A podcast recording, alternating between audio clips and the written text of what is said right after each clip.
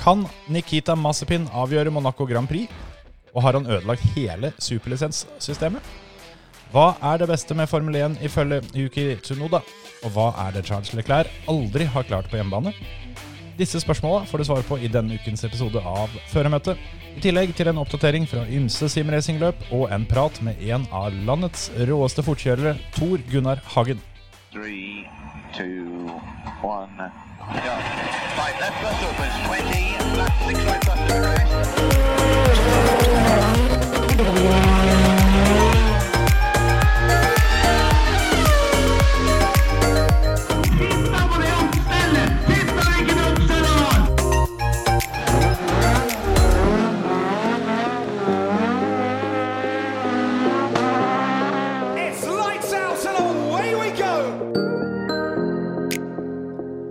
Velkommen til en ny episode av eh, Føremøtet. Takk.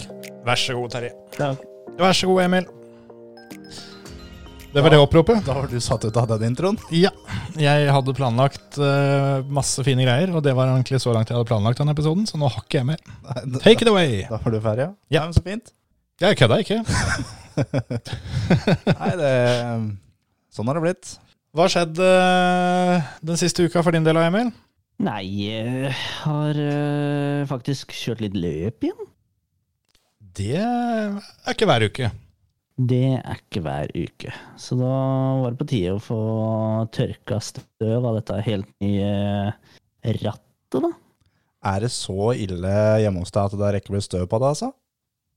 Ja, det har, øh, det har jo gått ganske kast i kast med, med jobb og alt rundt dette med å bygge hus.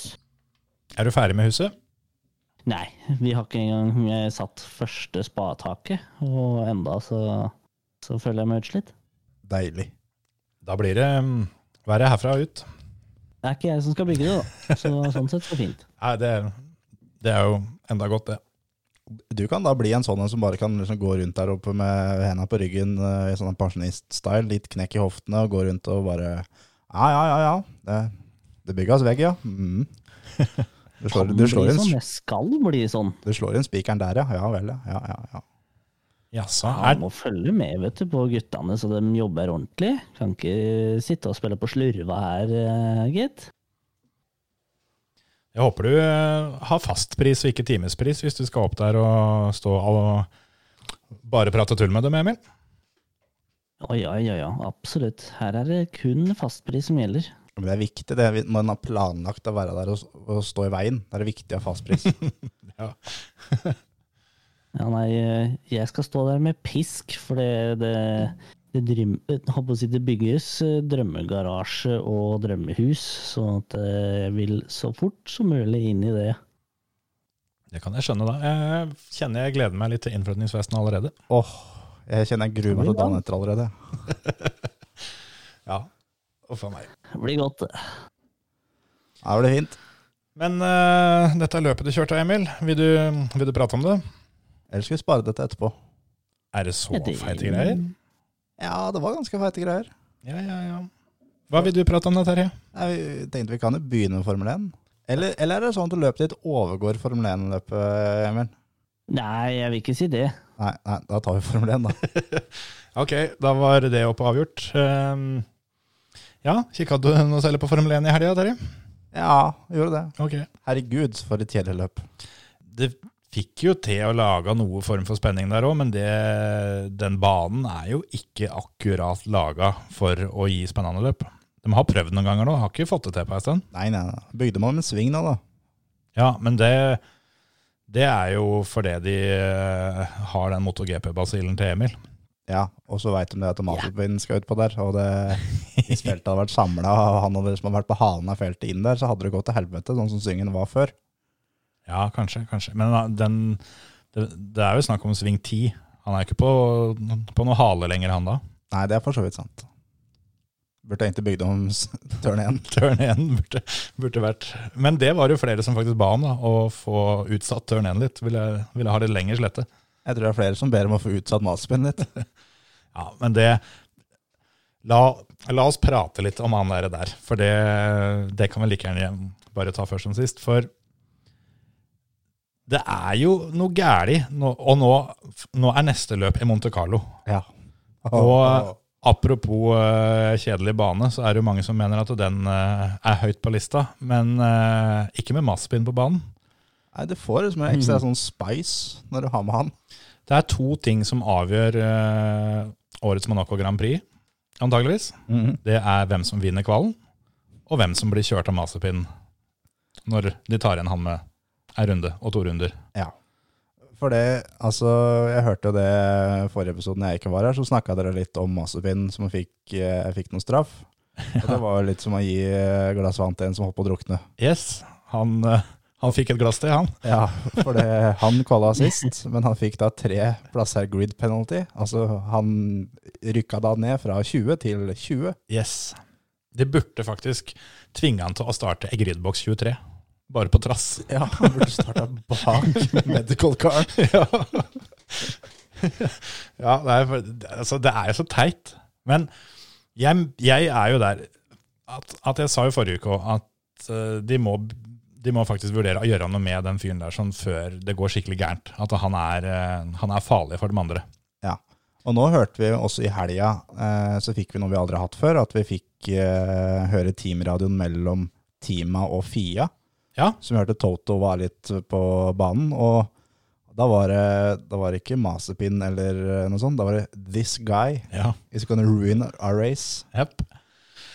Det, han var jo inne og Han fikk vel straff for å ikke ha sluppet forbi folk på en skikkelig måte denne gangen òg, men det var vel på kvalen. Med Lando Norris. Som han, eh, han kjørte til sida først, og så fant han at nei, dette gidder jeg ikke, så jeg hiver meg ut rett foran bilen. Ja. Jeg kjører til sida, venter til det kommer noen, og så hiver jeg meg ut igjen. For- Jeg så faktisk det var noen som påstod at det der var jo ikke Mazepin sin feil. Og da tenkte jeg at eh, Først så tenkte jeg nå må jeg skrive et svar, og så tenkte jeg at livet er altfor kort. Ja, Det er akkurat det det er. Så Hva, hva hadde du, eh, du som har kjørt uh, Adenaus, da, men som har kjørt på høyest nivå, hvis du hadde hatt en sånn type som Maspin med deg i din klasse hele tida, åssen er det å angripe det når du tar en annenhver runde? Er det sånn at du holder igjen litt da, eller?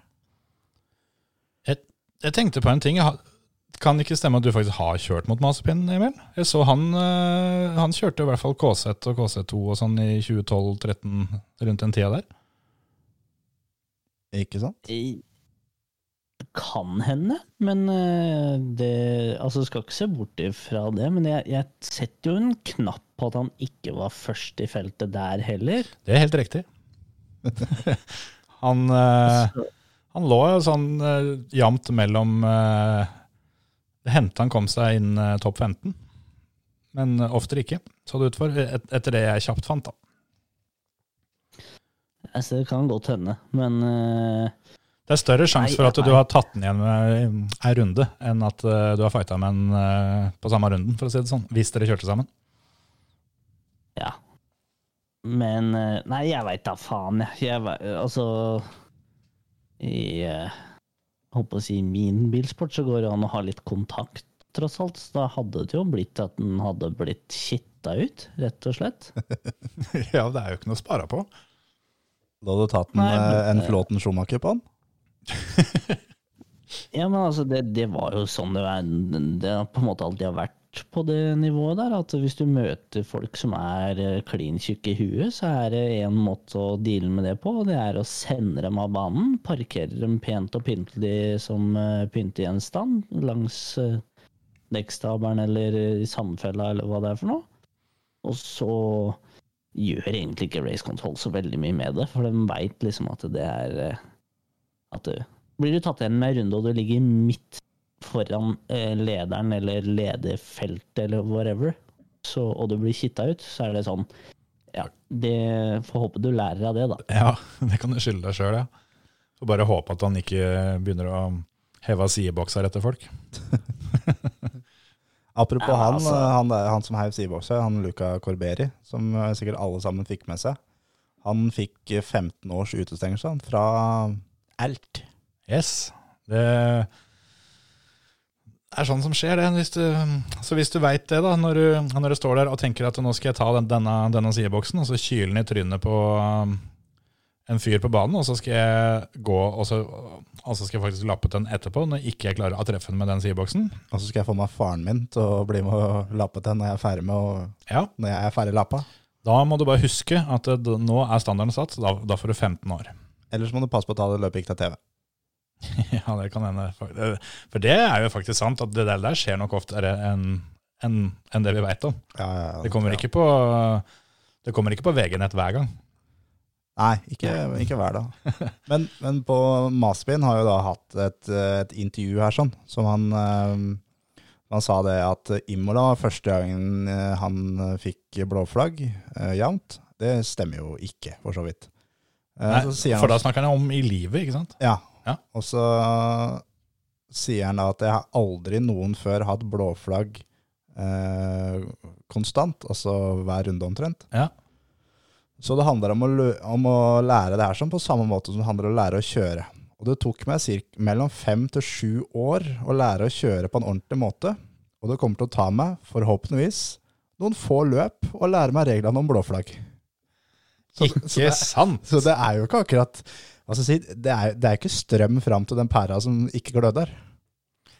Nei, den, eh, den pæra er eh, noen som har knust med sprettert for lenge siden. Så der eh, tror jeg det er bekmørkt uansett hvor mye strøm du gir. Ja, fy faen. Men det der er jo på en måte med å understreke poenget mitt. da. For det, én ting er å få den av banen før ting går gærent, men en annen ting som den fyren har oppnådd nå, mener jeg, da, det er jo å skrotlegge, egentlig Eller han burde være med å skrotlegge hele superlisenssystemet. Ja. For det Når han kan få den der superlisensen, som nå åpenbart da til og med innrømmer sjøl at han kan ikke noe så enkelt som flaggreglementet. Nei. Han har, etter det jeg klarte å finne ut, han har 194 starter etter gokart i formelbil. Han, det er inn i helvete mange. han har kommet først til mål sju ganger. Og det er jo da inkludert uh, Den en, japanske formelserien. ja, og en, en del sånne reverse grids og alt mulig sånt. noe.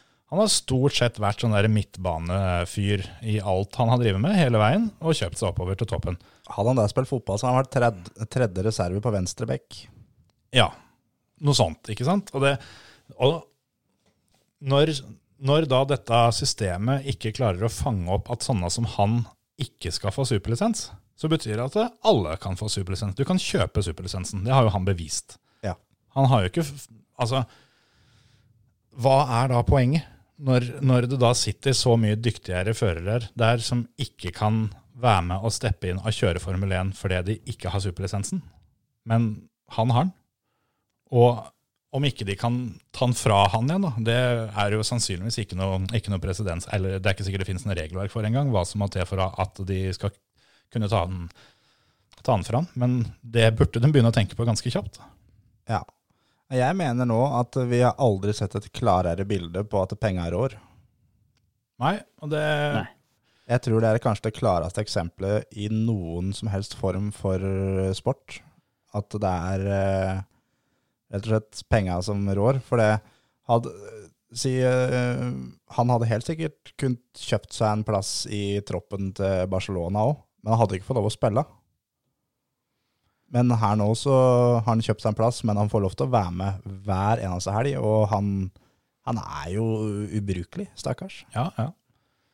Det er, det er litt sånn at eh, det undergraver jo egentlig hele konseptet Formel 1 nå, tenker jeg da. For det, det skal jo være, som den så fint kaller det, the pinnacle of motorsport. Altså den, det aller, aller ypperste, de beste av det beste osv. Men så har det jo vært aksept over ganske lang tid at det er ikke, det er ikke de 20, 20 beste førerne i verden som er der, men det er 20 av de beste førerne som er der. Ja.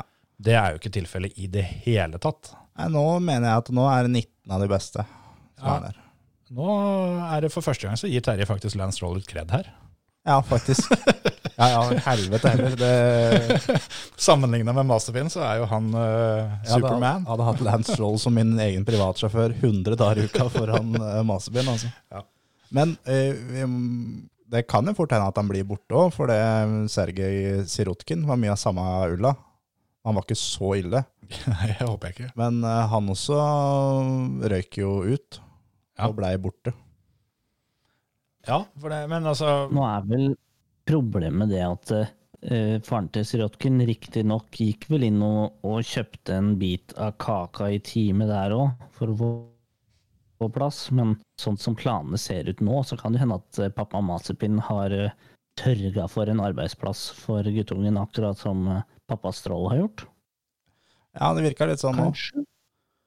Og det er si, Det er ikke veldig mange, men det fins flere av samme ulla som, uh, som pappa Massepin rundt omkring i, her i verden, som uh, har unger som driver med motorsport. Og kan nok hende at det her om eh, ti år så kan at griden er fylt opp av flere av den typen enn av Max Verstappen-typen, for å si det på den måten. Det er det som er faren med hele, hele opplegget. At nå er det flere som ser at dette her går helt fint an. Ja.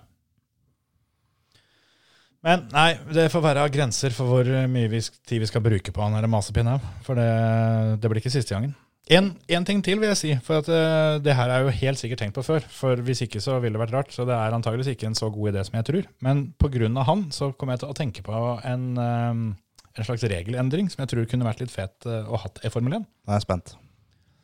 Hva om, og da om ikke nødvendigvis på alle baner, men i hvert fall sånn som, eh, sånn som Monte Carlo, at eh, de underveis i løpet gjør litt grann, eh, à la det de gjør i kvalen. De første fem som blir tatt igjen med en runde, er ute av løpet. Du får de treigeste bilene og antageligvis de mest utrygge sjåførene og alt det der sånn, som, som gjør at du får litt mer flyt i det. da. Ja, det er, de gjør det i Mario Kart da, med god suksess. Så det, Nettopp! det, er nettopp. ikke, det er ikke uten grunn at Mario Kart har blitt så svært. Nei, det er, det er flere som kjører Mario Kart enn Formel 1. Ja, ja, ja. Det er færre som tjener penger på det det. er jo selvfølgelig sponsorer og avtaler med TV-produksjon osv. osv. Ja da, jeg, jeg tenkte på den der, der jeg òg. Men på, på en måte så savna jeg litt den der eh, som var i gamle dager. At du måtte, altså, at det var for mange førere, sånn at du måtte kvalifisere deg til å, å få lov å kjøre løpet. Mm. For det, det hadde vært enda bedre. Men det er jo selvfølgelig en del med at penga rår. Men eh, det ville kanskje fått dem til å steppe opp litt. Da, da unngår du sånn som i år, at du har et team som er med bare fordi de må være med, ellers så får de ikke være med neste år. Hadde Has fått lov til å stå over i år, så hadde de, hadde de sannsynligvis gjort det og spart penga. Ja, ja, ja. Det tror jeg uten tvil. Så dem er, dem er jo utpå der og er, har egentlig ingen annen funksjon enn å, enn å være minst mulig i veien. Og til og med det så er det i hvert fall en av dem som ikke får til spesielt bra. Ja. For det er liksom eh, Schumacher, det er, det er greit nok han også snurrer og gjør noe feil og litt sånn, men han føler jeg på en måte har eh, lært litt av den situasjonen han er i, da, og begynt å steppe opp litt igjen og fighte litt med Williams, og, og er ikke noe problem når han blir tatt igjen. Han skjønner hele racingterminologien, at det, det her er sånn det funker. Nå kommer ledergjengen bak meg, og de skal ta meg igjen. og Uh, han tenker jo helt sikkert at jeg har vært i en situasjon der sjøl og tatt igjen folk med en runde. Jeg veit åssen Ja, ja. jeg sjøl vil at de jeg tar igjen, skal oppføre seg. Ja, ellers så veit han jo det at eh, hvis det er noen som tar meg igjen nå, så husker jeg den gangen jeg- jeg var sju år gammel og kjørte leiekart. Jeg veit hva som skjer hvis ikke jeg oppfører meg når jeg får blåflagget. Ja, helt riktig. Jeg, jeg tror det er der det ligger. Så dere har rett og slett lært Mick Schumacher å oppføre seg når det er folk som vil forbi. Ja, det kan nok, det var nok Emil som var hardast-menn. Det var jeg som tok det siste støtet. Det var nok Emil som uh, hadde den der ufortalte historien at Emil var hardmenn i ti minutter, jeg tok bare én sving. Ja, ja. Han burde ha lært, med andre ord. Absolutt. Men vi har jo nå kjørt fire løp. Eh, Det er tre treninger, en kval og et, eh, et løp hver helg. Så det vil si at de har vært ute på banen 20 ganger. I 18 av de 20 gangene så har Maspin vært dønn sist. Og det er inkludert eh, en del treninger hvor det har vært juniorer og reserver og alt mulig annet rask ute på banen. Ja. To Og Kubica. Ja, ja, sånn som han. Ja, ja, ja. Han er jo for så vidt reserve. Men En handikappa fyr. ja, faktisk. Du så jo det når han skulle prøve å, prøve å sette på rattet sitt igjen. At det var jo ikke så lett, det. Eller om han, om, om han ikke fikk det av. Vet ikke hva det var. For det, den ene, ene labben virka jo ikke. Så. Men kjøre bil skal vi gjøre. Til og med han er kjappere. Det har vært to ganger hvor han har vært nest sist, og da har det vært fordi at den andre bilen har eh, ikke fått kjørt så forbanna mye. Så sånn er det. Hva syns eh, holdt jeg på å si, Red Bull-hjertet ditt, Emil, om eh, dette løpet her? Ble du imponert? Eh, litt, altså sånn eh, Man kan jo på en måte ikke si seg misfornøyd med resultatet. Eneste på en måte man kan klage litt på, kanskje med Perez, at det At han liksom ikke får eh, Hva skal jeg si Litt fart i ræva litt tidlig. Gjør litt sånn småfeil med å bli forbikjørt og sånn første runden, og bli hengende bak og de greiene der. Men men sånn som eh, de kjørte løpet nå mot Mercedes, så vant jo Mercedes den kampen der lenge før, med tanke på at de allerede hadde planlagt å kjøre inn qualifying-dekka til Louis, for så altså bare å liksom scrubbe i overflaten. Og så klemme til med qualifying-tida, og så rett inn. Nye hjul, og så sette de andre til sides, rett og slett. Bare ha et som kunne gå noen runder ekstra, som gjorde at de kunne kjøre den, den medium pit-strategien med en gang. Og da, da hadde de vunnet uansett. Max kunne ikke gjøre noe mot det der i det hele tatt. Nei, nei. Jeg, jeg sa det ganske tidlig i løpet, at, eh, at Hamilton han, han vinner de greiene her sånn. Og eh, på grunn av Perez, det var på en måte Perez som gjorde at Mercedes kunne kjøre den strategien de hadde lyst til å kjøre. Fordi at de eh, Han var så langt bak at eh, Hamilton kom ut foran allikevel. Perez skulle ha, skulle ha stengt det der pit-vinduet der ved, ved, ved å sørge for at Hamilton eh, hadde kommet ut og fått trøbbel. Det var vel, eh, er vel det som eh, er forskjellen. Men det er klart at de, de Det er jo mer eller mindre avgjort i det øyeblikket Hamilton går inn for eh, andre gang. For det, jeg har sett veldig mange som lurer på hvorfor, hvorfor Red Bull av Verstappen ikke svarte på det ved å gå en runde etter.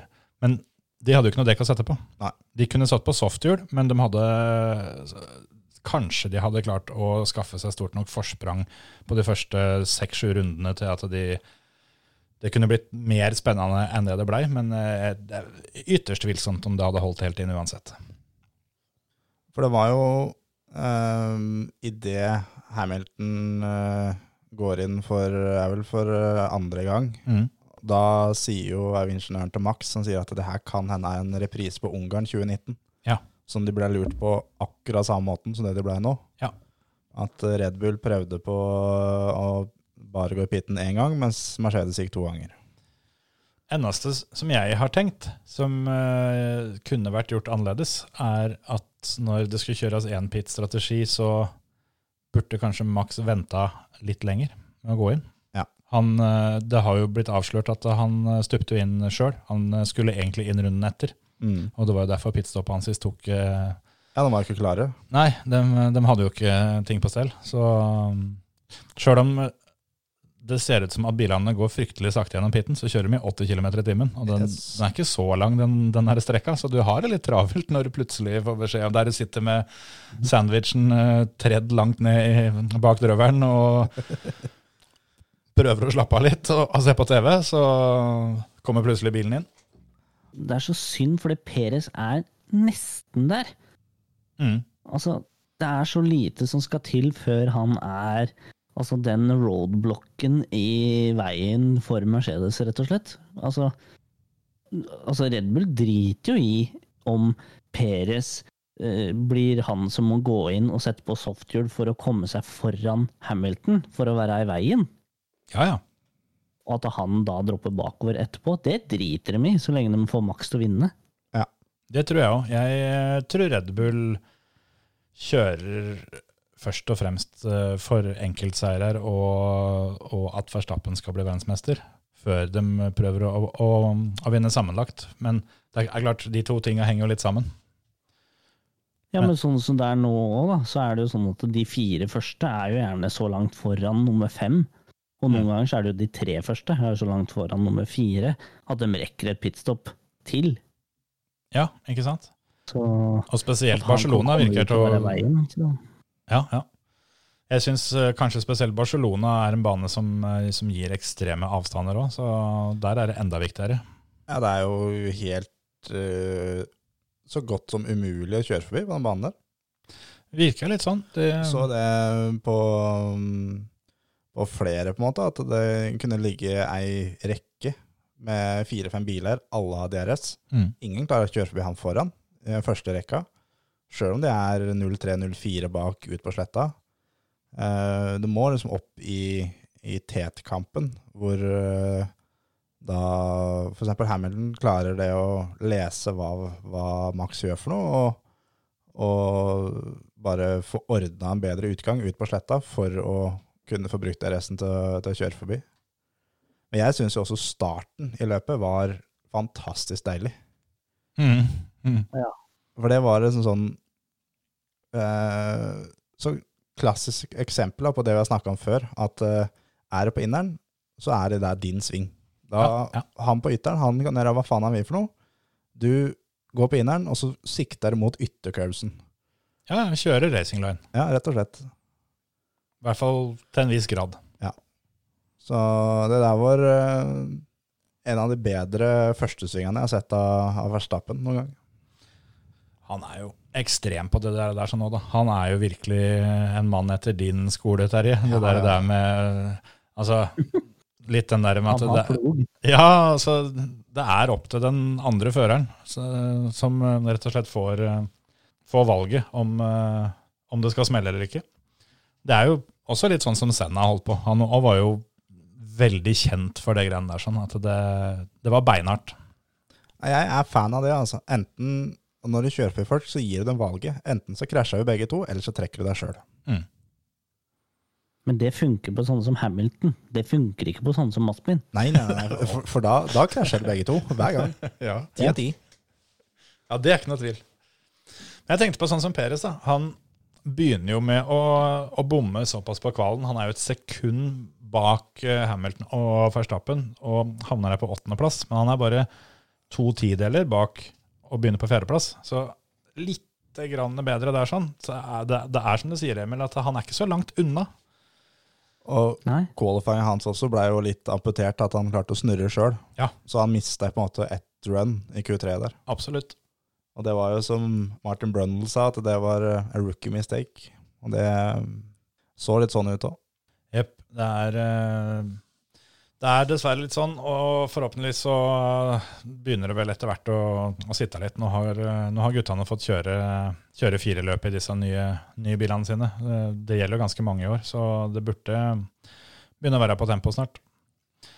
Og så fikk jeg faktisk litt sånn flashbacks eh, med Aston Martin-bilen til eh, sånn som Mercedesen var før. At den er ganske grei i åpen luft, men bak andre biler så er det bare Det er bare helt, helt, helt håpløst. Mm.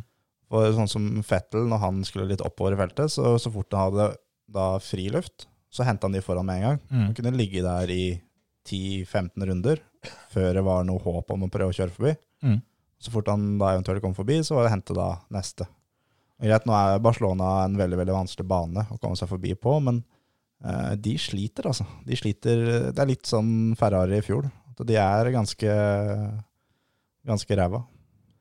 Nå er jo, eh, er jo den bilen eh, Det er jo 2019-utgaven av, av denne Mercedesen, da. så det stemmer jo bra sånn sett. For i 2019 så var jo det et stort problem for dem. Absolutt. Men for å oppsummere kjapt, så er det vel eh, på sin plass å si at eh, Hamilton viser hvem som er best. For det var det vel liten tvil om sånn sett. Han, eh, han ser ut til å ha fått fyr på kjelen igjen, altså. Han tror jeg koser seg litt skikkelig nå, nå som han må ordentlig jobbe for det.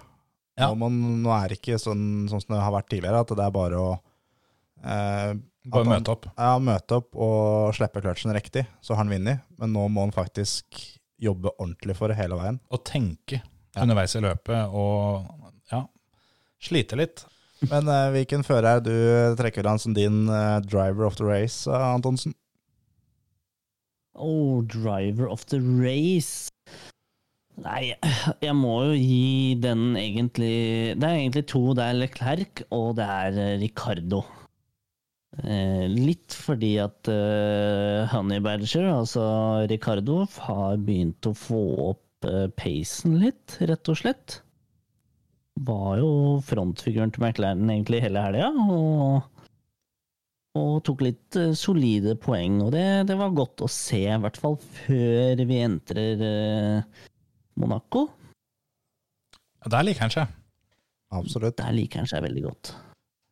Men igjen da, så er det, jo, er det litt det at eh, Barcelona er en, si, en bedre bane når ikke du stoler helt 100 på utstyret. Mens i Monaco så må du stole 100, Mm. og gjerne litt mer på utstyret.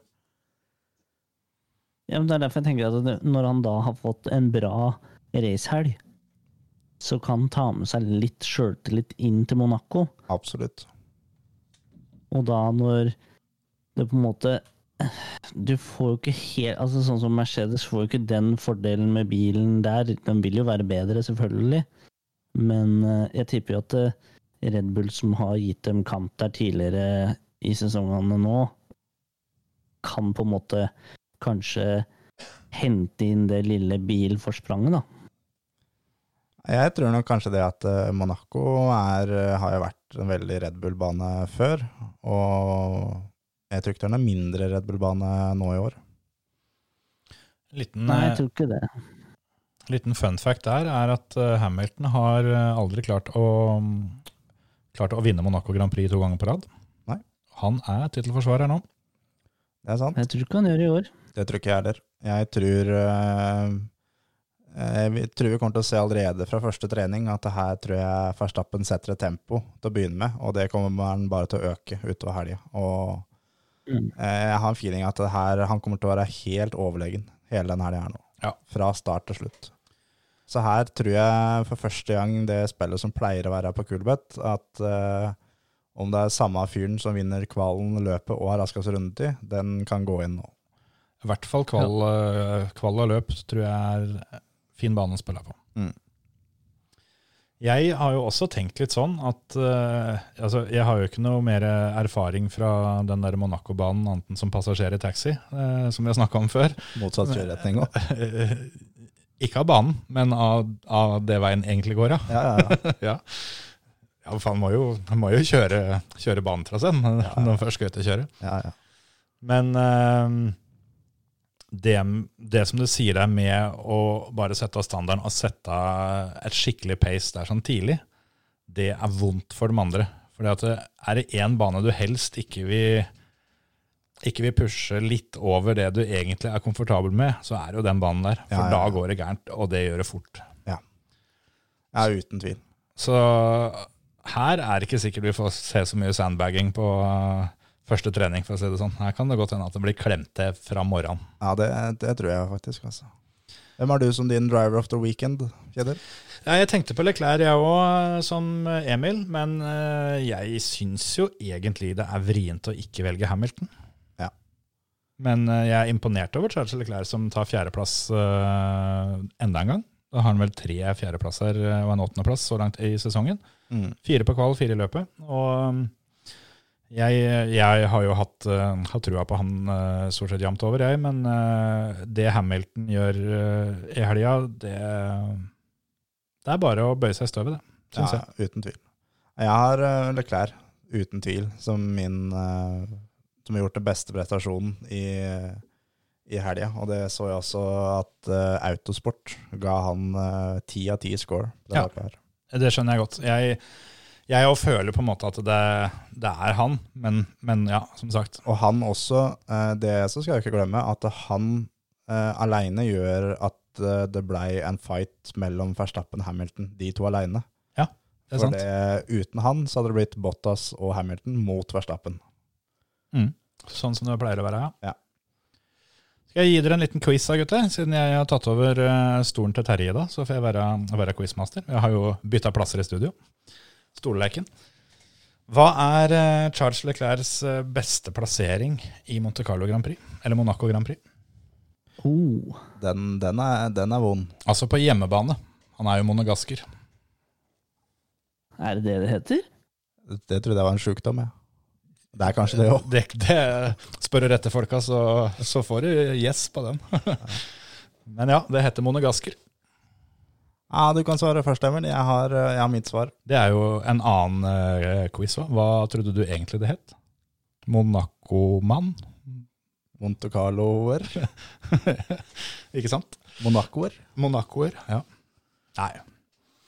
Ja, Emil. Jeg veit da fankeren, jeg. Det- Når du tar en sånn quiz, så begynner jeg automatisk å tenke at det her er noe lureri, da.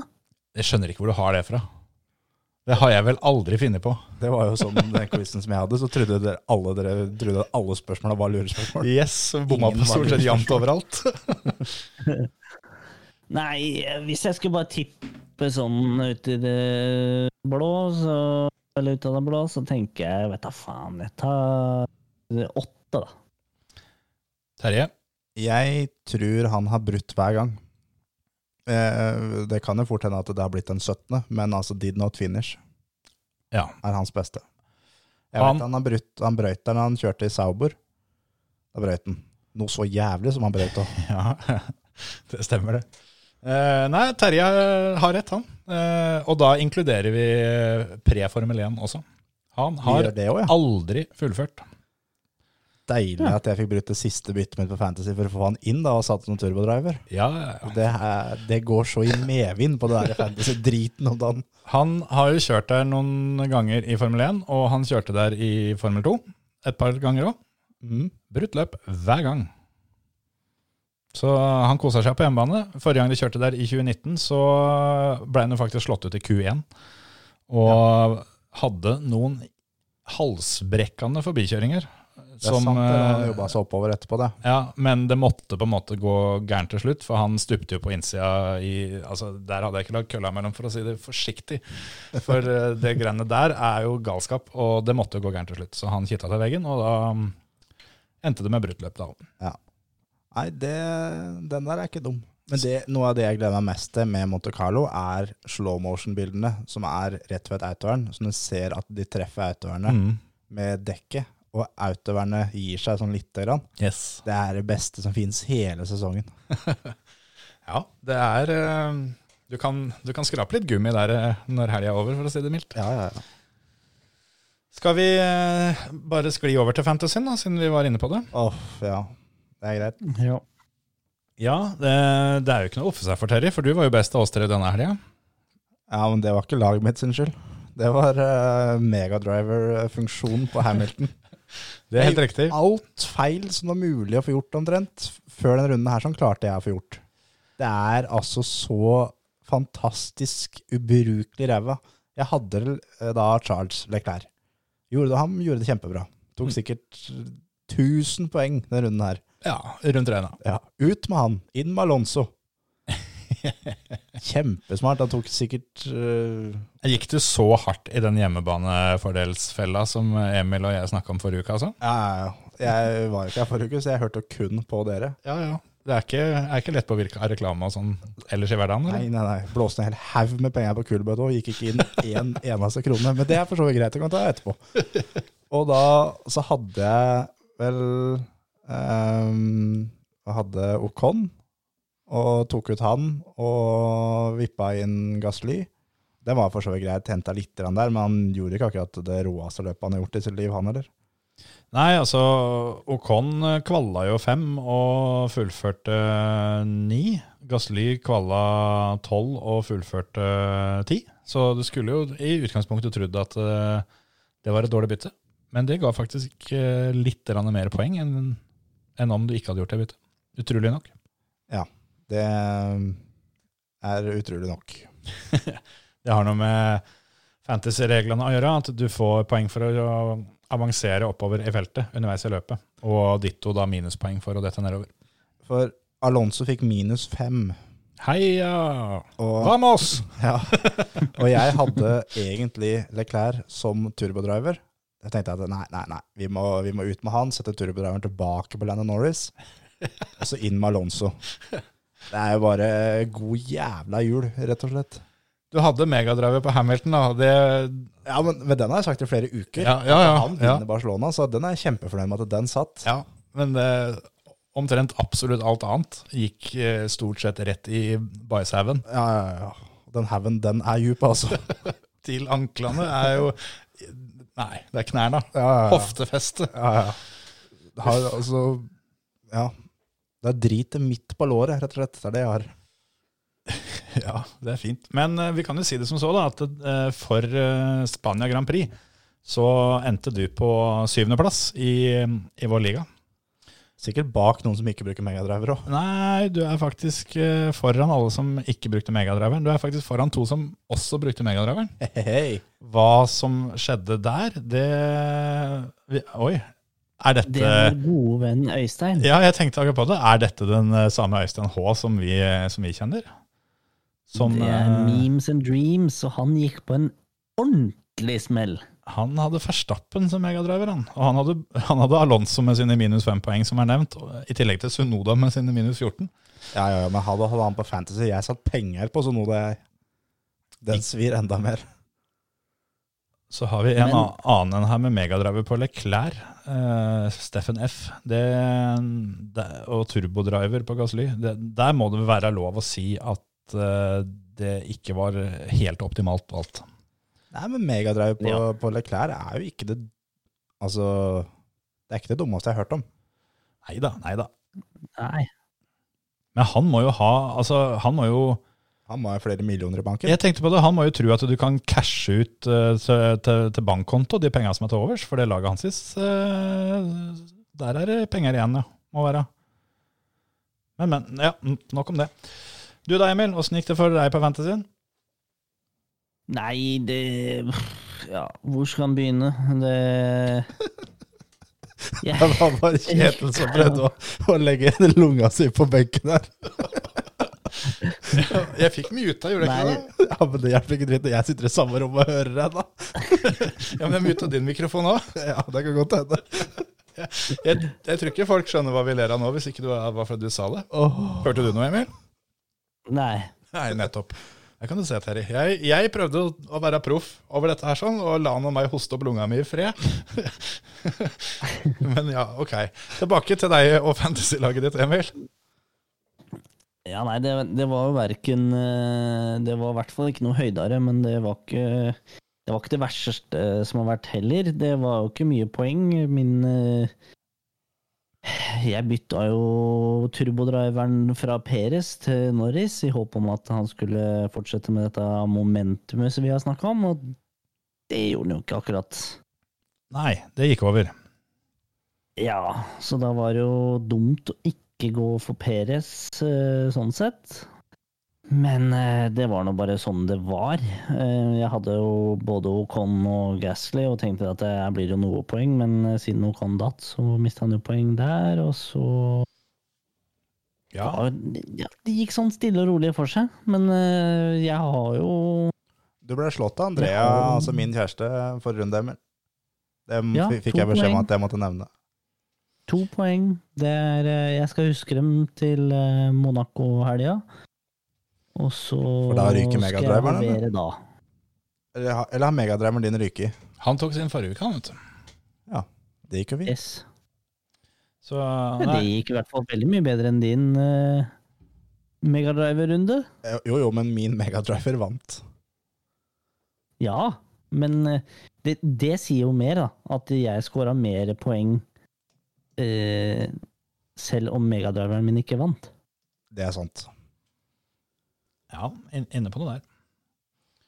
Nei, Sjæl så Men- er det ikke så mye å snakke om, for jeg er jo stuck med det samme drittlaget. Så jeg håper snart at en av dere klarer å steppe opp litt grann og og slå meg en runde, sånn at jeg får lov å bytte på laget mitt. Nå har jeg Ja. gjort eh, en hel haug med endringer, så nå er jeg klar igjen, jeg nå. Det har jeg òg. Jeg eh, har jo ikke det, da. Jeg kan jo nevne at uh, av de som ikke har brukt megadriveren enda, totalt sett, så er jeg best. Det liker jeg. Det, det, det må være lov å nevne. 24.-plass totalt, rett bak, tre poeng bak Terje, som har brukt sin megadriver. Og uh, det er fortsatt Marius K. Er det vår tidligere gjest, uh, tror du, Terje? Nei, det er Marius Koksvik. Aha, ja, ja. Han leder foran Espen og Simen og Torstein og Magnus og Alexander. Alexander M, som jeg da tipper er Alexander Masia, siden laget hans heter Scudera Masia, han har eh, svidd av megadriveren i første runden, og egentlig bare fortsatt å levere ganske sterke runder etter det. Så eh, der eh, kan det hende det er et lite mål også for å få tatt igjen han, ser jeg. Hvis jeg hadde fått sånn cirka normal utdeling på megadriveren min, så hadde jeg vel ligget litt rundt sånn rundt en og tredjeplass totalt. Så vi får se. Jeg må finne et løp og få dumma meg ut med det megadriver-valget på. Det er i hvert fall ingen tvil om. Um, Men det er da, for dere som hører på som ikke er med i fantasyligaen vår, så er det da F1 Fantasy. Og så tror jeg det skal gå an å søke på føremøte under leagues. ja, det tror jeg vi fant ut, at det skal gå fint. Uh, og rett og slett bare bli med der. For den koden som er til den ligaen, den er i grunnen ikke noe vits i å lese opp. 339B11A27F.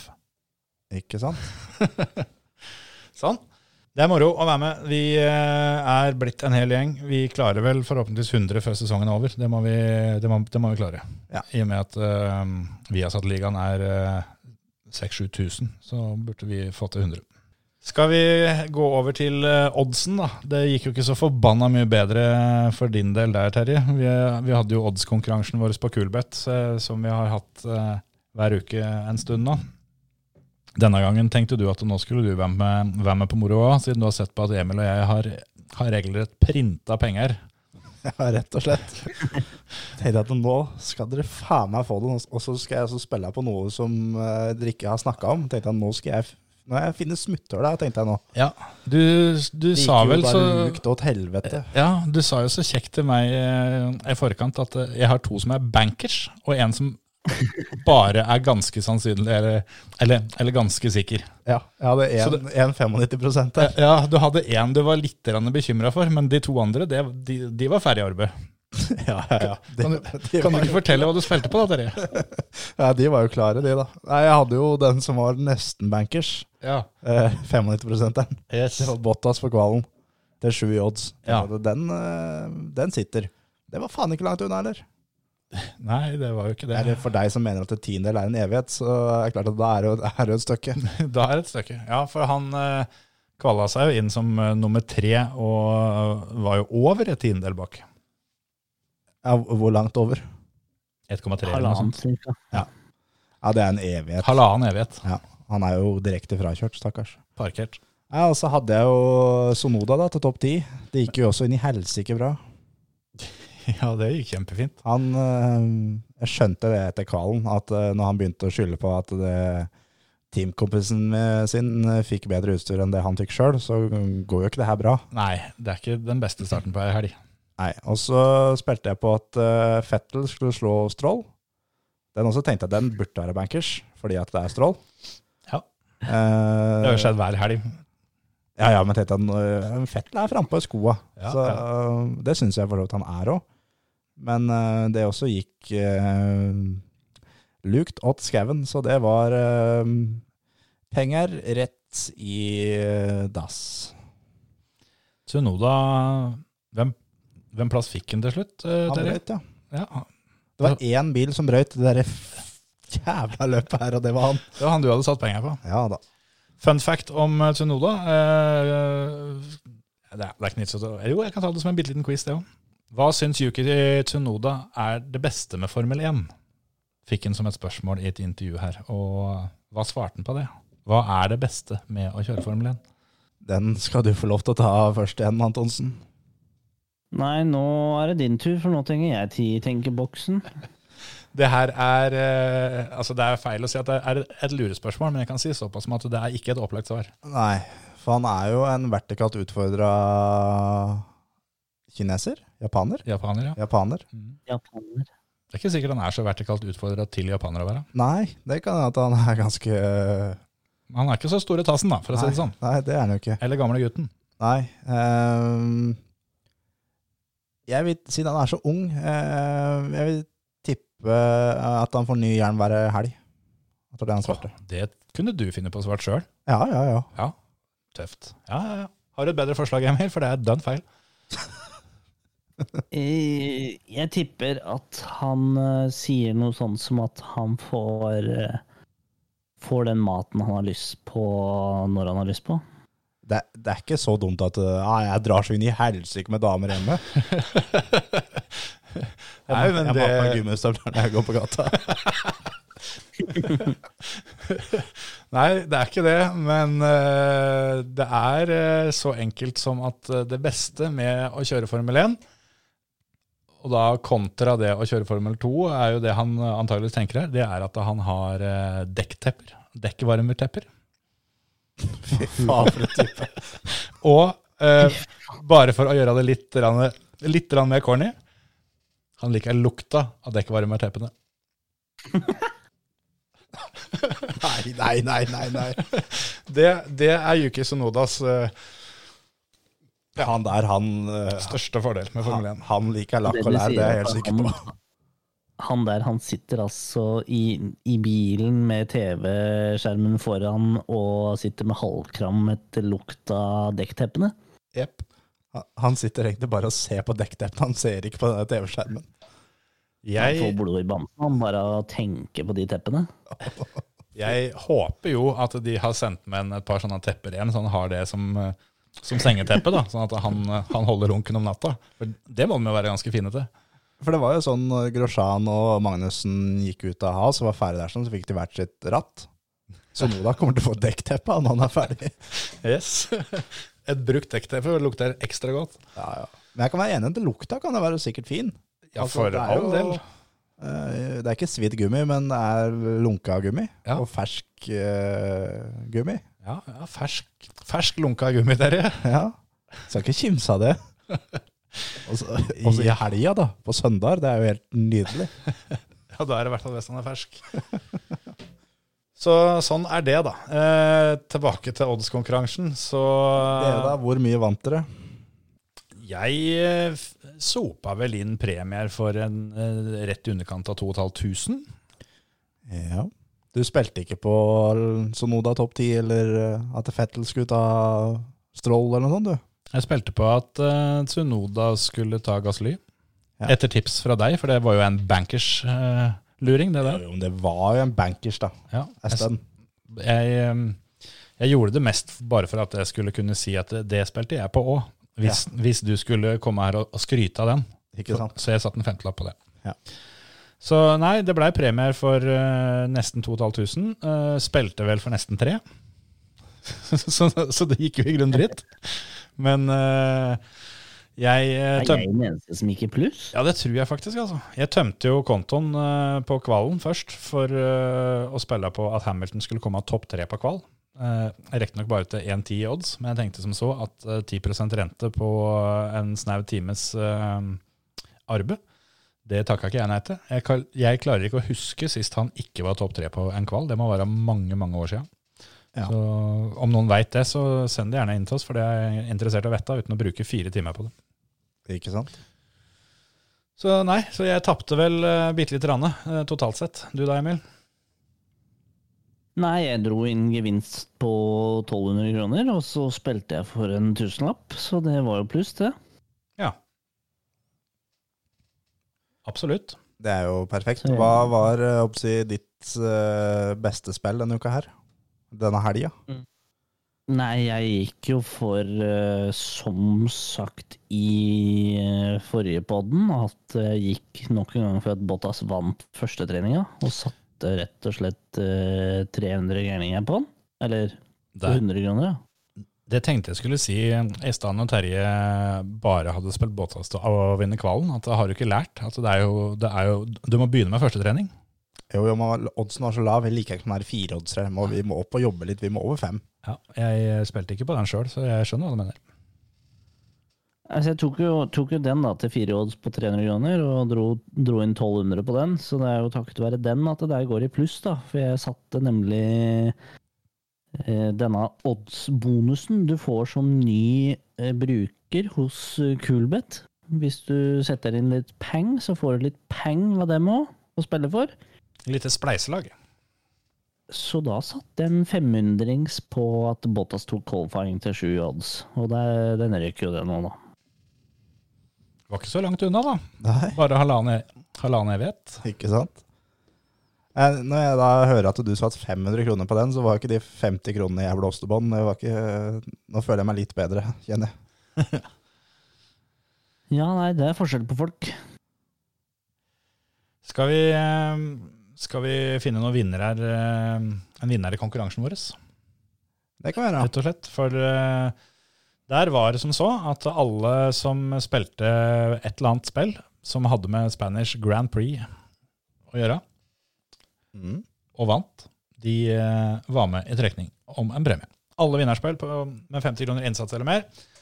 Og Vi har fått inn en del som har vunnet denne runden her. absolutt, så eh, Skal vi rett og slett kjøre en trekning? ja. Så det er eh, et tall mellom 1 og 32. Antonsen, vil du ta æren for det? Da tar jeg eh, mitt eget startnummer i år. 25. Se den, du. Da hadde jeg tenkt å si at det var jo uh, altfor forutsigbart. Men det har jo ikke en dritt å si, selvfølgelig. Vi er jo på en måte live. Ja. 25. Skal vi se. Det blei faktisk eh, tidligere nevnte Marius Karlstad, for det var vel han som leda fantasyen vår. Eller, Nei, det var det ikke. Han het Marius òg, og K til etter han. Ja, Men det eh, er, er det så jævlig mange Formel 1-interesserte lyttere her eh, som heter Marius noe, noe på K der ute? tydeligvis. De gjør det bra, da. Ja, de var flinke. på hvert sitt felt. Men, men Marius Karlstad, du vant i hvert fall eh, konkurransen vår denne uka. Så du må sende oss eh, Ja, vi har jo navnet ditt, da, men da trenger vi brukernavnet ditt på Kulbeth. Så får du peng på konto. Ja. Skal han få en applaus? Yes, det skulle han. Så heldig han er. Og i og med det ikke er løp til helga, så blir det heller ikke noe konkurranse denne uka som eh, er nå. Dessverre. Betyr det at vi skal dra til litt neste gang, eller? Det var det jeg tenkte, at da, da sparer vi opp litt, og så flesker vi til litt skikkelig neste uke igjen. For da er det både Formel 1 og VRC. Åhå. Nå skal den velkomstbonusen min på gulvet, nå skal den få bein å gå på. Ja, for det er det, ikke sant? VRC òg. Ja, Ja. ja, ja. Den velkomstbonusen eh, Så skal ja. jeg spille kun bankers der. ja, Gus Greensmith eh, Han, han, jo, jo, jo. Jeg skal tjene penger på Gus. Dere kimser av Gusseren, altså. Jeg skal tjene penger på Gus, kan du være helt sikker på. Tenk hvis vi kunne fått inn noen, eh, noen sånne røvere som det. da, at uh, Hva er eh, hva er oddsen for at Mazepin uh, kommer til å snurre? Eller, det blir jo feil å si. Når, når snurrer Mazepin, så er det da enten i runde 1, eh, runde 2 til 10, eh, runde 11 til 20 osv. Så sånn. Ja, ja. Eller aldri, da. Så har du en sånn 7000 odds der igjen. ja for det er, det er litt det at eh, hva sier Kulbeth er litt for seriøse. De er nødt til å Hadde de latt oss styre igjen her, sånn, så hadde det kun vært sånn der moro- moro-odds. men, eh, men vi burde fått inn noe litt eh, om og burde også fått inn noe om Bernt. Ja. Som jeg snakka om før. Vi må ha noe odds på Bernt snart. Egentlig. Det um, hans, Jeg så at Mercedes var ute og sa det, at han skal kjøre den eh, sprekeste pacecaren ever made. Ikke sant? Og uh, Da, det den var lov til å kjøre i Monte Carlo. ja, eller, Eller om det var det han gjorde i Spania, kanskje. Men jeg, jeg tenkte på det, at da er det i hvert fall flaut hvis eh, Hamilton ligger bak og klager på at det går for smått. Ja. Når, de, når de har laga bilen sjøl, for da Bernt kjører det skuta går, han. Ja, ja, ja. Vi sier det sånn, neste uke dobbelt så fet eh, konkurranse, minst. Absolutt. For da er det mye å spille på. Og det må jeg bare si at uh, forrige VRC-løp så oppdaga jo det der, der med livebetting. Det var en ny dimensjon. For det, det varer litt lenger, da. Under Det er enda større muligheter for deg til å gå i minus. Å ja, ja, ja. Ikke tenk på det. Det, det løser seg alltid. Ja. Så det, det går bra. Men på en måte Formel 1-løpet varer et par timer, så det, der har du ikke like mye tid til overs til å sitte og studere og, og, og, og kikke på den biten der. Mens i VRC så er det litt tid mellom etappene. Mm. Så da kan du sitte der og, studere litt. Da, og, og ta en Terje og tro at du har, har funnet et smutthull så du skal knekke systemet. Ja, ja, ja. Det går like bra hver gang, det. Bare vent, en dag så finner jeg det. Jepp. Skal vi ta en kjapp beinstrekk, og så har vi litt annet å prate om etterpå. Så tror jeg kanskje vi skal til og med prøve oss å få ringt en eh, skikkelig racinglegende. Ja, det kan vi gjøre. Vi gjør det. En fortkjører. Yes. Du hører på Førermøtet, Norges beste motorsportpodkast. Vi lova jo å komme tilbake til um, dette løpet du kjørte, Emil. Er det, er det tida for det nå, eller? Terje? Nå, nå er det lov. Nå er det lov. Da har vi lyst til å høre litt om det. Det var jo ikke mitt beste løp, sånn sett. Eh, Ikke noe kjempeforberedelser eh, denne gangen heller, men eh, kanskje litt mer krevende banebil og og veldig god motstand. Et veldig, veldig bra felt med gutter i dette Club Scandinavia League-løpet på ingen ringere enn Hockenheim. Har du vært der på ordentlig? Nei. Ikke jeg heller. Ikke jeg heller. Her kan du se. ja, det- men fikk du ploga litt? ikke Hæ? fikk du ploga? Ja, jeg fikk ploga. Ja, da er det suksess. Ja da, det blei litt, litt bråstopp inn i første svingen der, og da visste jeg ikke hva jeg skulle gjøre, så da ble det flat pedal, og så bare lukke jeg. When in doubt. Flat out. Yes. Det er så deilig, det. Og å litt, eh, komme inn bak en der, og så Jeg veit ikke hva jeg skal gjøre for noe. Jeg tar, jeg tar bånn gass, jeg, og så bare få løfta den bilen opp, få han vekk, og så fri, fri sikt. Ja, men Porsche- Porsche-fronten er ganske fin sånn sett, for du bare løfter disse andre bilene pent og pyntelig opp eh, under diffuseren der, og så er det bare skyve. Det er jo helt nydelig. Den er som skapt for sånne high rake-scooter. Men, men, men var, var den så ille at du ser for deg at du får en protest imot det her nå, eller? Eh, Ja, jeg så egentlig for meg, for meg det, for det, det, var ikke, det var jo ikke pent. Men, eh, men jeg prata litt med Nils Erik Isaksen, som, som dette dessverre gikk utover eh, denne gangen. Og han, eh, han eh, nevnte at han var kanskje litt forsiktig inn der, for han trodde det smalt foran. Da. Så det var en sånn typisk Typisk som førstesving hvor ingen veit helt hva som skjer, og så ja, frøys jeg litt, og da da ble det bånn spiker etter hvert. Åssen endte det til slutt? Nei, jeg, jeg ramla jo ned til en 14.-plass, var det vel, da i, i første runden. Og så fikk jeg rett og slett ræva litt i gir, og så fikk jeg klatra meg oppover og pella Håper å si teamkompis Preben eh, litt på ryggen, og så ble jeg nummer ni, da. Ja, men topp ti med den mengden trening som du har putta ned i det siste, det, det må være godkjent, det. Ja, da, jeg var veldig fornøyd, og det er sånn som Det er jo bare å altså, ta, bøye seg i hatten og gå ut av skoa og hva enn du vil eh, for eh, vår venn Alexander Masia. Altså, s- skudderiet Masia er jo bare i en egen liv. Nok en gang. Ja, det er, eh, det er helt tullete, det greiene han driver med. Altså, det, han har nå vunnet to av to. Det er, bare, det er ikke bare at han vinner, men at han vinner eh, så overlegent hver gang. Altså, det var ni og et halvt sekund, og allerede på qualifyinga så fikk jeg jo sure oppstøt av å se rundetida hans. Det er jo så, han vant da med nesten 10 sekunder nå. Runde 1 vant han med 14 sekunder til nummer 2. Da var det 21 ned til nummer 3. Og nå så var det da 9,4 til nummer 2 og 10,9 til nummer 3. Det er, liksom- han, han er bare helt i sin egen liga. Han er eh, eh, utenom de gutta som kjører Porsche-VM og satser på Porsche, så tør jeg påstå at han er eh, en av Norges beste simracere. Altså. Han hadde vel kjørt fra dem òg, hvis de hadde kjørt GT-bilen mot den. Ja, hadde de stilt med like forutsetninger i, siden de hadde begynt på en bil som var ny for alle sammen, så tror jeg de skulle fått jobba litt.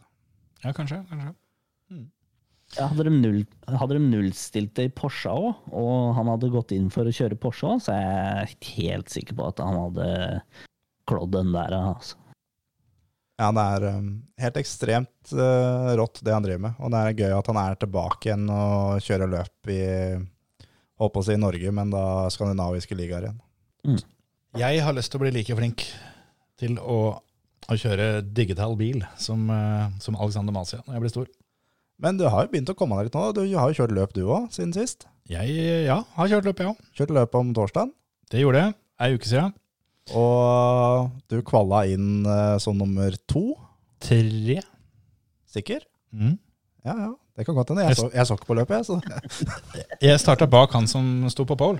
ja, det blir tre. Så jeg bare Superenkel hueregning fikk meg til at det skulle bli tredjeplass. da. Ja, ja men det det er jo ikke ræva, det heller. Nei, det er ikke det. Det kunne vært bedre. Men eh, det, det, det, det var jeg fornøyd med, det må jeg si. Og åssen endte Du kjørte to løp, åssen endte, endte dem for deg?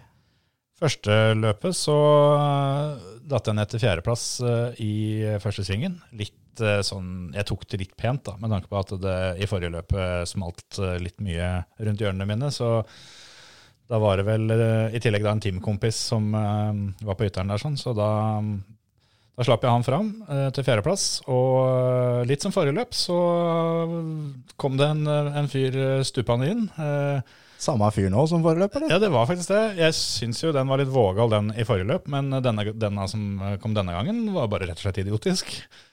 For eh, det blei valgt det dummeste stedet på hele banen. Ja. Så, så vidt meg bekjent så finnes det ei rundkjøring på iRacing, og inn der skulle han prøve å kjøre forbi. Ja, jeg tror du, du skal leite litt for å finne ei vellykka forbikjøring i den svingen. Ja, det tror jeg ikke går. Nei, det, det, jeg tror kanskje heller ikke det fins. Så, så der skulle han eh, inn og stupe, og da smalt det jo, så jeg blei jo skjena litt uh, sidelengs. Hadde det vært eh, forrige, forrige løp, når jeg hadde den erfaringen jeg hadde da, så hadde det nok sikkert da blitt vegg og hubba bubba der. Men eh, nå hadde jeg i hvert fall fått noen flere timer i, i denne bilen, så da klarte jeg å sørge for at det var han som fikk veggen istedenfor meg. Det var vel i grunn starten på en eh, lang rad med smell bakover.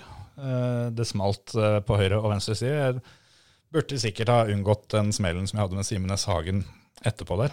Kjørte på en tidligere førermøte gjest, rett og slett. Det gjorde jeg. Må ikke, må ikke slippe sånne foran seg, vet du. Det er ikke bra for eh, det langsiktige imaget. Nei, sant. Vi har jo et- som et mål å være det beste mediehuset. Ja, det er viktig. Det er viktig. Og øh, det gikk utover Simen, så jeg kom meg nå i hvert fall først ut av den der duellen der og lå på fjerdeplass. Og i og med at dette var på det desidert eh, trangeste stedet på hele banen, og det ble smell på både høyre og venstre side av meg, og jeg kom ut først, så var det jo da stopp bakover. Ikke sant? Så det ble ganske god luke ned, så den fjerdeplassen den holdt til mål. Da starta jeg fem i neste løp. Og han som starta tre, eh, altså foran meg, han eh, Jeg veit ikke om jeg bare traff starten helt sykt. Jeg gjorde sikkert det, for det så ut som at han ikke traff, eller altså ikke starta i det hele tatt. Mhm. Så jeg måtte heve meg rundt han og tenkte at uh, her traff jeg starten. Idet det kommer en annen bil uh, som så ut til å ha 50 km i timen høyere fart enn meg idet jeg putta fjerdegiret. Så eh, det var tydeligvis andre som fikk til det. Og da mm, Der skjedde det vel ikke noe sånn voldsomt til å begynne med, men jeg lå vel på en fjerdeplass derav, etter at teamkompis Trond Svenkerud han leda og klarte å bremse på seg, så han eh, ble stående i en dekkstabel, dessverre for han. Så da lå jeg på jeg mener det var fjerdeplass, og så klarte andre- og tredjeplassen, eller så klarte tredjeplassen å dive litt eh, optimistisk inn på andreplassen i hårnåla. Så de to kroka i hopes. Eh, Jeg kom bak der, fikk vel lite, men bitte liten dytt jeg òg, men jeg kom i hvert fall forbi dem. Og og på andreplass, holdt den til mål. Ja, Ikke sant? Det er jo Pallen? Der kan du faktisk få lov å trykke på den gule knappen. Takk, takk, takk, takk, takk, takk, takk. Er det et imponert over Antonsen? Pallen og greier. Veldig òg. Satt, jo- satt jo faktisk eh, og så på løpet sammen med Alexander Masia, og det, det var god stemning i discorden vår mens du kjørte, altså, for det, det var eh, fryktelig underholdende å se på. Ja, jeg, jeg velger å ta det som et kompliment. Ja, det er altså underholdende som at det var gøy. Ja, ja, ja. Ja men det, det er jo hyggelig å høre, da. Det, mm, jeg var litt bekymra på forhånd, for det er en ganske knallhard bane. Så jeg var eh, litt der at bare vi kommer oss gjennom den første runda uten smell, så, så hadde jeg trua. Og når jeg da kom til sving to før det smalt, så tenkte jeg at ja, da, da ble det sånn igjen denne gangen òg. Ja, Men- ja, ja. Jeg kosa meg eh, og er storfornøyd. Jeg må si det. Jeg sa jo det til eh, første runde du skulle kjøre, at du måtte topp ti for at PC-en skulle stå her. Ja, jeg, og, og da fikk jeg jo tiendeplass på kvalen, så Ja. jeg fikk grine meg til at den, eh, den kjøpte meg ett løp til. Ja, han gjorde det. Så nå er det ett løp igjen av denne serien. Så PC-en skal få lov å stå til det løpet der. Men da forventer i hvert fall jeg, og helt sikkert Emil at nå må vi opp på pallen i kvall, løp én og løp to. Ja, så jeg har én plassering for dårlig nå, da, siden jeg hadde 3-4-2. Men, Ja, men det er jeg greit. vet ikke, Antonsen, skal vi sette press på den og si at vi er nødt til å ha en seier, eller? Eh, Ja, faktisk. Ja, men det er greit. Det er greit. Da skal dere jaggu få det. Ja, ja, ja. Vi skal jo på, på den banen som vi kjenner godt, Men Vi skal jo til Road Atlanta. Ja, fineste banen som er. Hæ? Men det er jo, eh, det er jo håp, eh, og det sier jeg ikke fordi at, eh, at jeg har så jævla trua på meg sjæl, men jeg har jo fryktelig trua på det opplegget som jeg har fått lov å være med på. For jeg har jo fått være med i dette teamet deres, Luminous Racing. Og hvis det er noen altså Nå veit jeg ikke engang om dere tar imot coachingbestillinger, men det burde dere begynne med i så fall. Og er det noen der ute som var enten like ferske som meg, altså da ikke, ikke hadde, hadde kjørt noe med den eh, TCR-bilen før, eller har kjørt med den lenge og kunne ønske seg å, å blitt gode, så er, eh, er den gjengen der fryktelig gode på å lære bort fortkjøring. For eh, bedre bevis på det enn meg er det vel ikke så enkelt å finne. Jeg kom fra ingen verdens ting og har fått det nå. Sto der med to tomme hender og har Jeg sto der uten to tomme hender. Yes. Jeg eh, starta med ingen verdens ting og har fortsatt mesteparten igjen. Ikke sant? Men eh, nei, jeg, jeg begynte faktisk uten PC til og med, så det er jo helt riktig det. Ja. Og nå, eh, nå har jeg det, og nå har jeg kommet på ballen, og alt er, alt er moro. Nei, Road Atlanta er jo en bane som Antonsen har eh, egentlig vist mest fart av uh, alle Åse-teamer på før. Så kan det hende at Emil skal ta over coachingen for deg nå mot, mot neste runde. Lære deg noen småtriks. Det var vel der begge dere debuterte. Ja. Stemmer. Husker alltid den første. På tribuna med i tørn 10. Yes. Jeg, ja, jeg husker det, det smalt nede ned i sjikana der, i hvert fall. Ja, Nils Erik Isaksen som vi snakka om i stad, fikk kjørt seg der. Han. Bare han da òg. Fantastisk. Sirkelen er slutta. Uff a meg. Før vi legger simracinga helt på hylla, så må vi jo eh, ta med at du har kjørt løpet òg, Terje. Det stemmer. Jeg kjørte det blir fjerde siste runde av ARL. Ja, du har begynt å få opp farta der litt. Ja, begynte å plukke litt poeng nå. Det hjalp å få seg en ny PC. Ja, ja, det hjalp noe voldsomt. Så skjønner jeg en ganske møkkaløp, som jeg følte det stemte ikke i det hele tatt. Men eh, kom meg opp topp ti i alle tre løpa, og var den føreren som henta mest poeng eh, i det løpet. Så Da vant du vel på manteløpet? da? Du, Ja. du vant runden? jeg står faktisk som vinner av den runden på hjemmesiden, så det, det er gøy. Moro. Men, um, neste løp vi skal kjøre, er jo da på banen du kjørte nå forrige gang, på bybane. Kos deg. Det blir fint. Jeg har jo sett uh, hva du driver med på trening der, så jeg er ikke veldig bekymra for at du skal bli frakjørt, for å si det sånn. Nei, men det er mye hardinger der, da. Så um, jeg har ikke tatt noe på forskudd der uh, helt ennå. Nei, nei, sant det. Men uh, vi kan jo i grunnen uh, Før vi legger simracing død, så kan vi si at SRGP er til helga, på søndag. Ja, det er sant. Og eh, stort mer enn det trenger vi i grunnen ikke å si. Den skal kjøre på Bathurst. Bathurst, som også kjent som Mount Panorama, er en bane nede i Australia, er det ikke det? Med um, noe inn i helsike med sletter på. Ja. Stemmer det. Opp Der og ned vi av fjell også si lykke til, for å si det sånn. Ja, ja. Stakkars jævler som skal med den Porscha der ned det fjellet. Ja, for det, den banen har jeg kjørt på diverse eh, ymse bilspill opp gjennom åra, eh, hvor det ikke har vært damage. Ja, Det er fin. Kjempefin bane. Ja, helt nydelig bane. Da går det fort ned fra fjellet. Ja. ja, Nei, det er til søndagen. Og øh, det blir jo gøy. Får jo sjansen til å se SRGP live. For nå har vi jo klart å ikke legge det samtidig som eh, Formel 1. Det er jo noe. Da er det nok simracing, eller? Nei, nei, vet det. Skal vi trekke pusten, da, så skal vi eh, snakke med en um, fortåker. Ja. Du hører på Førermøtet, Norges beste motorsportpodkast. Endelig har vi eh, Åmots eh, store sønn og ordfører og ordstyrer og oppmann og kantineansvarlig. Alle oppgaver som er å få i Åmot. De har jo du, og endelig er du her. Distriktsbefrukteren i Åmot. Nå var det mye mange høye skal vi si, ord her. Jeg tror ikke jeg, tar, jeg tror ikke jeg rekker over alle disse her stillingene på ei uke. altså. Jeg skal ikke stoppe innsatsen, i hvert fall. Ja, Tor Gunnar Hagen, du eh, kjører jo eh, ganske fort eh, i simracing. Det har jo, eh, har jo vi eh, sett før. Vi har vel kjørt noen løp sammen. Det, for de av dere som syns det var noe kjent med navnet, så er det altså denne personen jeg slapp forbi i min, eh, i min simracingdebut. Så så fort kjører han. Var det sånn derre Ja, er humble brag at du var over den raskere? progresjonen du har gjort, eh, Kjetil. Det er uh, utrolig bra de siste ukene. Altså, det løpet nå på Daytona, det Nei, på uh, Long Beach, det var uh, bra, altså. Jeg fikk med meg det på vei oppover til Våler om torsdagen. Ja, for det, i og med at jeg slapp forbi deg det første, eh, det første løpet, så fikk jeg en tilbake nå ved at du bare ikke stilte opp, sånn at det, det var en ledig plass på pallen. Det setter jeg pris på. Ja. ja, men det er bra. Da er vi, da er vi skuls der. Ja, det syns jeg vi skal si.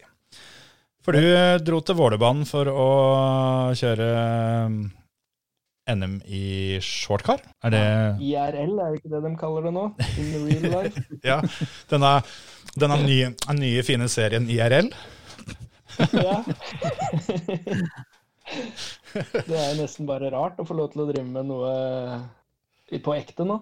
Men det var noe eget det å få komme seg opp der og få kjent lukta igjen og, og følelsen av å kjøre på ekte, vel? Ja, det er jo utrolig moro å kjøre simulator, men eh, om det kommer opp mot den følelsen å få pakka bilen og dratt på tur og satt opp telt og liksom lukta og folka igjen, det, det tror jeg skal mye til før det er der, altså, på opplevelse. Men det, det gikk jo ikke så hakkande gæle heller da, oppå der. Det er, eh, du satt jo opp et tempo som eh, Hva skal en si? At hadde jeg vært konkurrenten din, så hadde jeg reist hjem lenge før helga var over. Ja, det bare, bare vi kom i gang på fredagen, så det ble, fikk det ikke helt til å stemme fra, på treningene på fredagen. Før eh, siste passet, da løsna det litt. Så da skjønte jeg at eh, ja, da er vi i rute for kvalet. Så da Og da blei vi vel egentlig bare der på den topplassen ut helga. Jeg vet ikke om, eh, om du har resultatene oppe, Antonsen, og åssen eh, det gikk med distriktsbefrukteren fra Åmot på kvalen. Altså, kongen av uh, Modum og Sigdal, han eh, fullførte eh, begge finalene på toppen av pallen. Ja, det er ikke så mye enklere å komme høyere enn det. Men Nei, det begynte vel med på kvalen at du bare utklassa hele gjengen først.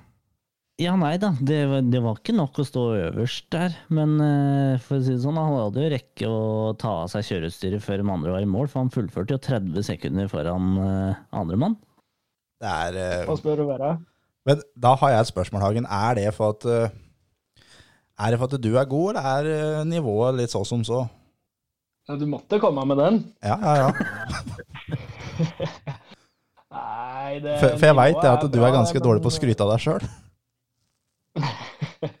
Nei, nivået er knallhardt. Så det her eh, vil jeg jo si er all ære til eh, meg og Hagen Motorsport og Luminous Racing og alt det som har foregått i vinter. Ja, det, det høres jo ut som eh, du har, har skjønt det. At det er selvfølgelig all den kjøringa med, med oss i vinter som har gjort det. Og så har Hagen Motorsport bare fulgt opp, rett og slett. Og tatt over stafettpinnen nå, nå som det beveger dere ut i IRL. Ja, jeg tror vi må si det sånn. Nei, det, det, noen, det var noen som ikke var med i løpet, i, i løpet av helga. Det var noen kurs, obligatoriske kurs på jobb og litt sånn forskjellig. Og noen som var offshore, som gjorde at de ikke kunne stille. Så det, det kan nok hende det var noen som skulle vært med til å fylle høl i, imellom der, kanskje. Men eh, jeg tror nok de skulle stått opp tidlig, skulle de vært foran i helga. For det var jo litt det at eh, på lørdagen så kjørte det jo da på tørt, og da var det jo et halvminutt foran eh, nummer to, men eh, søndagen så begynte det å regne noe alvorlig, og da har vi jo sett i mye annen motorsport at da kan resultatlistene snus eh, helt på huet, men eh, det holdt jo ikke med bare å vinne på tørt, du måtte gjøre det på, på regn òg, med drøye 20 sekunder. Ja, og, og da starta jeg som nummer seks, fordi vi snudde lista fra lørdagsløpet. Ikke sant? Så Du kom jo med et uh, fint sitat i uh, ene intervjuet etter ene, ene seieren der, som jeg syns egentlig var en uh, god, god forklaring på hvorfor du kjørte så mye fortere enn de andre. Hva var det, hva var det teorien var igjen? Nei, det er vel den som har holdt mest bongas, som vinner til slutt. Ja. Det er ikke så vanskelig, dette racinggreiene, altså. Nei, det er, det er jo veldig enkelt. Det er jo bare å holde båndgass ganske lenge. Holde litt mer bånn gass, så går det litt fortere. Ja. Jeg tror etter hvert nå at han uh, sjølveste Hovedegården syns det er ganske morsomt å gi meg en mikrofon sånn rett etter at eh, jeg har fått målflagget. Enten rett etter å ha fått målflagget, eller rett etter at du har kjørt om for bensin. Da er det ganske gøy å ha mikrofonen i ditt uh, tryne. Det er jo helt ekstremt, det, det shortcar-greiene, da. For det er jo en litt bola gokart som uh, går alvorlig fort. Og totalt uh, på den helga på Vålerbanen så har du nest raskeste rundetid uh, av alle. Det er bare slått av GT Pluss, som liksom er superbiler. Det er jo sånn Audi R8 og sånt. Lamborghiner og litt av den, eh, den Ja, der. ja. Åssen er det å kjøre det shortcar-greiene, Hagen? Er, eh, er det så nervøst som det det ser ut som, eller er det kun moro? Eh, Det er absolutt ikke så nervøst som det ser ut som. Det, du blir veldig overraska når du prøver det her første gangen, hvor stabilt og kontroll man har, har i en sånn bil, faktisk. For han skulle jo trodd at det der Det ser jo ut som det skal stå alle veier med en gang du prøver å gi gass, egentlig. Nei, den er overraskende lettkjørt. Så eh, fantastisk bil å kjøre når det er eh, regn, egentlig. For det er den er jo på en måte bygd både for å kjøre eh, asfaltracing og rallycross. Så vi, vi har jo veldig mye rattutslag eh, å jobbe med. Så det å kjøre litt på skrens med den er eh, egentlig helt fantastisk. Det høres moro ut. Ja, det høres jævlig moro ut. Rett og slett. Kan jo ta litt av kjapp forklaring på det. Det er jo en, det er en rørrammebil med en 1000 kubikks motorsykkelmotor eh, i den klassen jeg kjører. Og så er det 600-klassen, eller Bandit, som kjører med 600 kubikks motorer. Så veier vi ca. 500 kilo, inklusiv sjåfør. Så sånn fart per krone her er vi jo eh, milevis foran alt annet, i, i hvert fall i landet.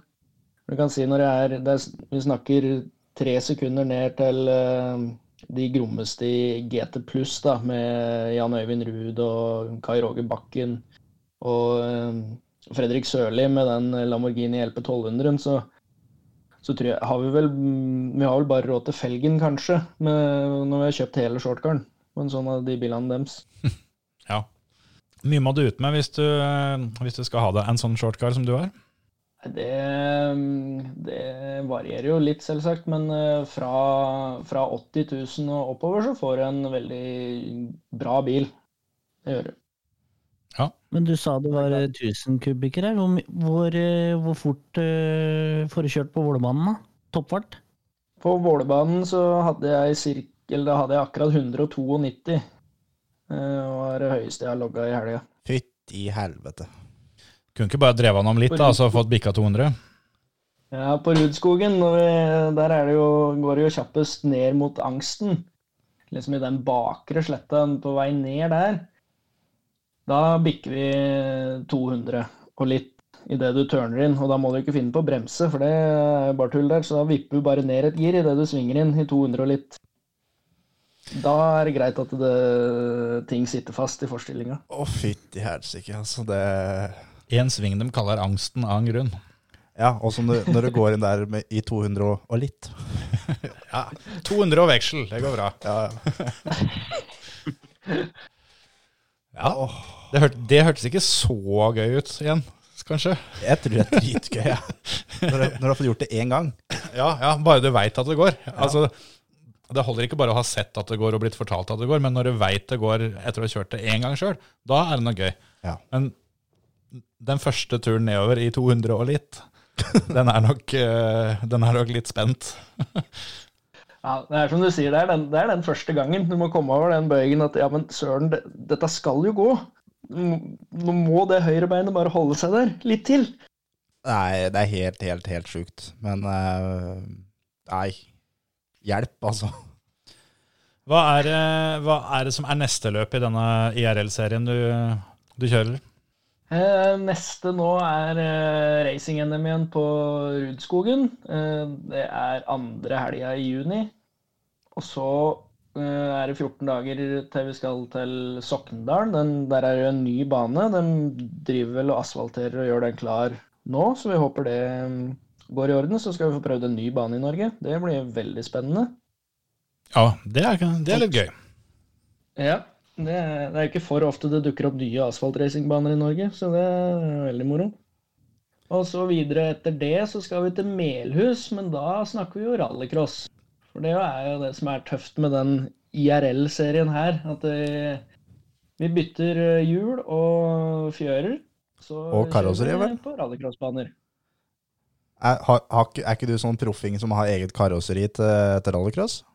Jeg har eget, eh, jo, jeg har eget, eh, eget rallycross-karosseri, men eh, rørramma under er jo lik, da. Så la jeg merke til det nå i helga, at hvis det er noen der ute som syns dette her høres gøy ut, men ikke tør å kjøre sjøl og har litt for mye penger på bok, så var det det, det der karosseriet ditt veldig hvitt og mye ledig plass. Der, eh, der er vi, vi er veldig mottakelige for noen som vil putte litt reklame på der og hjelpe til videre i sesongen, så vi kanskje får kjørt alle løpa. Det, det hadde vært moro. Jeg veit ikke helt åssen jeg skal få til det ennå. Det var dumt at det spørsmålet der kom, for jeg tenkte å foreslå at vi må jo få på noen førermøtemerker gratis på denne sjappa her, men det høres ut som at vi slapp det, da. Vi, vi får se hvor mye, hvor mye drahjelp denne podkasten gir først. Er det noe til overs, så kan det hende vi kommer med. Men, men da, skal, da skal vi prøve den. Nå, nå, nå hjelper jo dere veldig til med den, eh, det som foregår på simulatoren. Altså et, eh, en, eh, et lite merke og litt promotering. Sånn, det kan vel hende vi skal få til. Men nå hadde Terje et, eh, et krav her, som du hørte, for at du skal få lov å ha gratisreklame for oss. Så skal Terje prøve den, sier han. Oh yes. Det, det må jo være mulig å få til. Det hørtes fair ut. eh, Det er, jo, det er jo tross alt jeg som har lært Hagen alt han kan om fortkjøring. Ja, det var sånn det var. Du har jo liksom ligget i et hestehue foran bestandig, du, siden du har eh, alderen spiller imot deg. Så har du liksom du måtte stake veien, så har ikke jeg kunnet komme det etter, og så bare drikke av nektaren. Ja? Bare plukke opp, ja. Ja. Ja, men det er eh, helt eh, genialt, Hagen. Da mm, ønsker vi deg lykke til da på Rudskogen, og så satser vi på at vi eh, kan ha deg som gjest i dette IRL-studio vi har her. Litt uh, utpå ut på sommeren. Jo, tusen takk for det. Ja, det. Det hadde vært veldig moro, det å kunne møttes, eh, møttes in eh, real life igjen, ja. Det, det gleder jeg meg til. Da har vel vi eh, vært gjennom det meste, så er det vel bare én ting igjen som vi er nødt til å ta med. Og det burde vi helt sikkert ha prata mer om, men jeg har ikke så voldsomt mye å si, for jeg hadde ikke anledning til å se så mye på det. Men det skjedde jo noe forholdsvis stort på bilsportsfronten, eh, som fikk eh, Fikk forsida i både det ene og det andre mediet, så jeg. For det, Dennis Hauger han, eh, han leder sammenlagt i Formel 3 etter eh, første løpshelg. Gjør det. Ikke verst. Vant eh, det første featureløpet. Kunne kanskje ha vunnet løp to eh, i helga òg, men eh, det ville seg ikke helt. Nei, han slapp det. Og vant også Kalen, da. Så han, han var vel, eh, var vel raskest den helga her.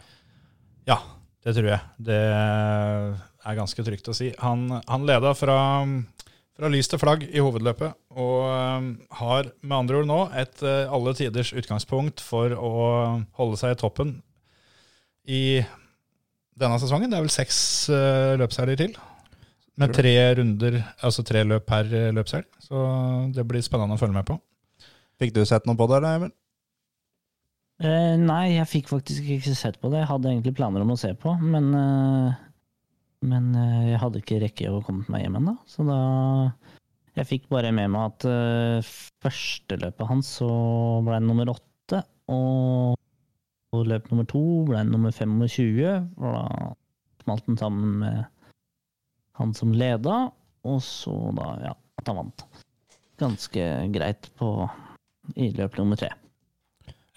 Men det er jo som vi har snakka om uh, tidligere, at det er um, Det er make or break denne sesongen her for han. Så det er uh, Skal han komme noen vei innafor Eller da til Formel 1, som han mener er eh, målet sitt, så eh, da må han Han må dominere i år, rett og slett. Er nesten nødt til å sitte i en Formel 2-bil neste sesong hvis, eh, hvis det skal gå den veien. Og eh, det er vanskeligere å ha noe bedre utgangspunkt enn det han har nå. Så det blir i hvert fall spennende å se åssen det går med, med Dennis Hauger eh, videre utover sesongen. Jeg skal prøve å følge med litt mer. Jeg fikk sett kvalen, og så så jeg det første løpet. Men eh, det var ganske lite begivenhetsfullt, eller hva man skal si. Kjørte seg fra tolvte startposisjon. da, Siden han vant kvalen, så måtte han starte tolv. Og kjørte seg opp til en åttendeplass, eh, stille og rolig, egentlig. Så fikk jeg dessverre ikke med meg så veldig mye mer enn det.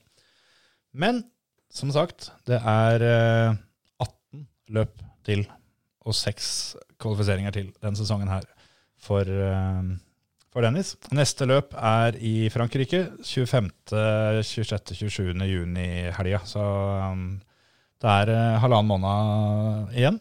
Den helga skal jo også da Ayla Ågren ha sin sesongdebut i Formula We Series. Ja, samme bil, er det ikke? Ja, så godt som, i hvert fall. Ja, det er i hvert fall basert på, om ikke det er helt identisk som Formel 3 dem kjører også. Hvor skal de kjøre? Samme helga skal kjøre i Frankrike, de òg. Ja, samme banen. Samme løpet. Det hadde i hvert fall vært gøy hvis det var identiske biler, da, for da hadde du jo kunnet eh, sammenligne tiende. Mm. Moro. Det er, eh, det er tøft beite, i hvert fall for, eh, for eh, Dennis Hauger. Det er jo mye mm, fjes som eh, kjørte i fjor, akkurat som Dennis. Så mm, vi får se åssen dette går. Vi eh, krysser fingra og eh, skal snakke litt mer om Dennis Hauger når eh, sesongen hans fortsetter. Det skal vi. Har du noe mer på hjertet, Anton Antonsen?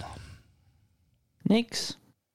Nå har vi holdt på 50% lenger enn det vi pleier, så tror jeg det er på tide å gi seg. Flott. Ha det! Hei. Ha det.